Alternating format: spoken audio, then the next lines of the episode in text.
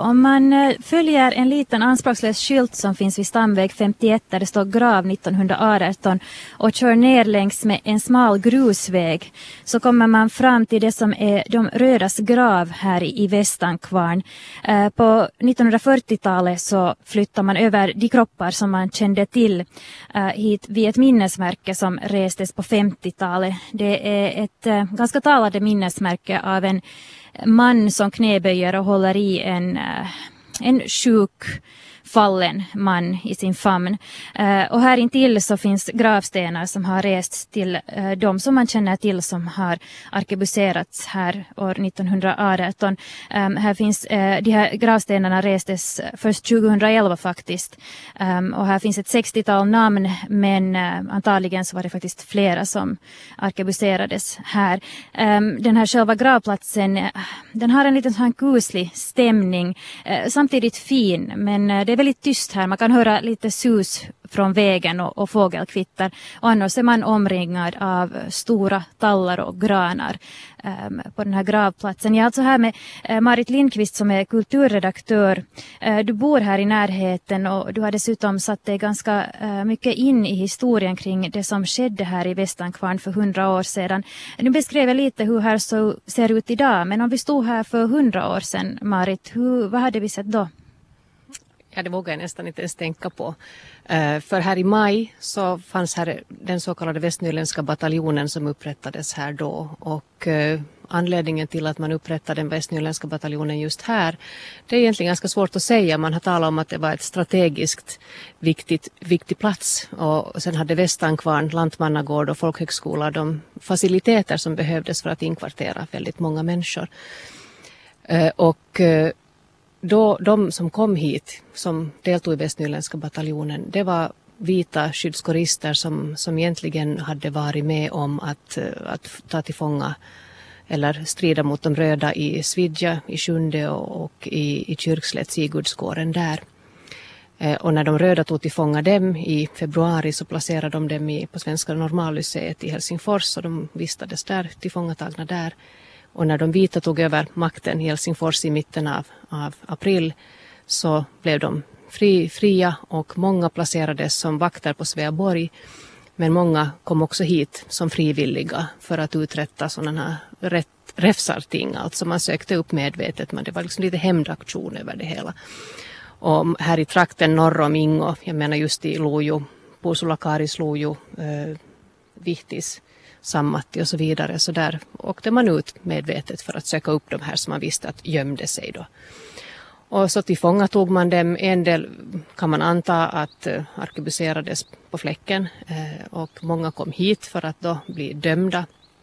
Man upprättade alltså en krigsdomstol här. Och eh, man vet att många blev arkebuserade just här där vi står. Det var en sandgrop här Många arkebuserades också i något träsk som finns här i närheten. Många arkebuserades också uppe på åkern där i Västankvarnområdet. Eh, tar, här finns det alltså 64-65 namn på de här gravstenarna men, men jag är övertygad om att det var betydligt fler som blev arkebuserade här. Marit Lindqvist, du har också satt dig in i historien kring eh, den man som upprätthöll den här domstolen här.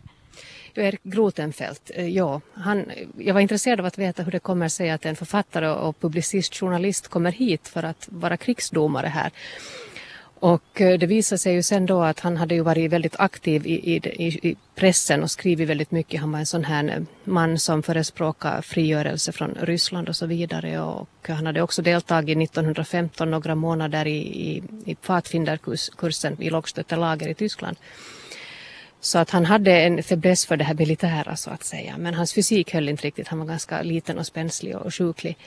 Men sen då ville han aktivt komma med här när man upprättade Västnyländska bataljonen så var det ett upprop för folk då som ville komma hit och han anslöt sig här i början av maj. Hur det kommer sig att han blev utsedd till krigsdomare det vet jag inte men, men han blev det i varje fall och eh, han lär inte ha varit särdeles mild utan han deltog också aktivt i de här arkebuseringarna själv och eh, han skriver, det finns två brev bevarade som han skrev till sin hustru. Det är egentligen de enda dokument som man, man har från den här tiden.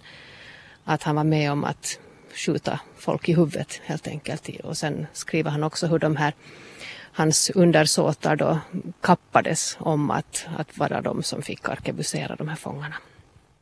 Marit Lindqvist, du berättade också om Västankvarn gård som alltså finns fortfarande här i trakten och eh, då när du skrev, du har skrivit en, en längre artikel som fortfarande finns på vår webbplats där man kan gå och läsa kring det som skedde här i Västankvarn för hundra år sedan. Eh, men du sa att eh, när du gick till Västankvarn gård för att ta lite fotografier så kände du igen en del av miljön från de fotografier du har bekantat dig med från Eh, 1918. Vill du berätta lite närmare om det? Ja, som sagt så finns det väldigt få dokument bevarade. Alla arkiv är tömda på material från den här tiden och det finns då de här två breven, sen finns det några strödda anteckningar av folk som har uttalat sig som har varit här. Men det finns ett antal fotografier bevarade. Bland annat då ett fotografi som, som när jag gick på den här vägen som går mellan de här olika husen i Västankvarnområdet där. Så när jag tittade ut över åkrarna så såg jag igen siluetten Eh, av, av ska vi säga, krönet där, skogskrönet. Och då kunde jag alldeles tydligt se mig framför mig den här, den här följet som kommer gående över åkern, det är ett ikoniskt fotografi. Män som går med vadmal, grå vadmal och med bössorna på axeln och framför sig har de då ett antal män, också en kvinna som är helt klädd i vitt, som går fram över åkern. Och sen finns det ett senare fotografi där man ser det här följet liggande på marken då. Och då har de ju då arkebuserats och det finns talas om en vinbergs, vin, den vinbergska ladan som kanske var en lada då som stod där på den där åkern där väldigt många arkebuserades. Och åren efter dem, de 1918, så vet jag att det var en utsänd journalist från Arbetarbladet som besökte då det här stället, Vinbergska ladan, och då berättade folk att att där på våren så när korna betade och gick där på åkrarna så, så blev det liksom blodfyllda vattenpölar omkring den här ladan och det fanns kulhål fortfarande, kul, kulor fast i väggarna på den här ladan. Så det är ganska obehagliga berättelser.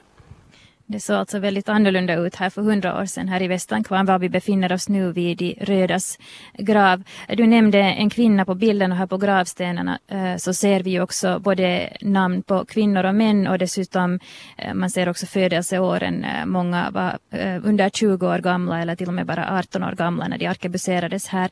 Ehm, vad skulle du säga att det hade för inverkan på Finland och på trakten här, det som skedde här i Västankvarn för hundra år sedan? No, det har ju nog varit vad jag har förstått ett stort sår här och någonting man inte har velat tala om. Eh, jag läste till exempel Johannes Cederlöfs memoarer. Han var, kom som lärare hit hösten 1917 och var här våren 1918 och han skriver i sina memoarer att det var en svart brunn. Ett minne som man inte ville gå tillbaka till. Man ville, alltså det var en, en oerhört jobbig eh, historia att ta del av och jag vet att det fortfarande ju givetvis i synnerhet äldre Ingobor kanske har, har ett väldigt svårt förhållande till de här händelserna. Det är ingenting man kanske talar om.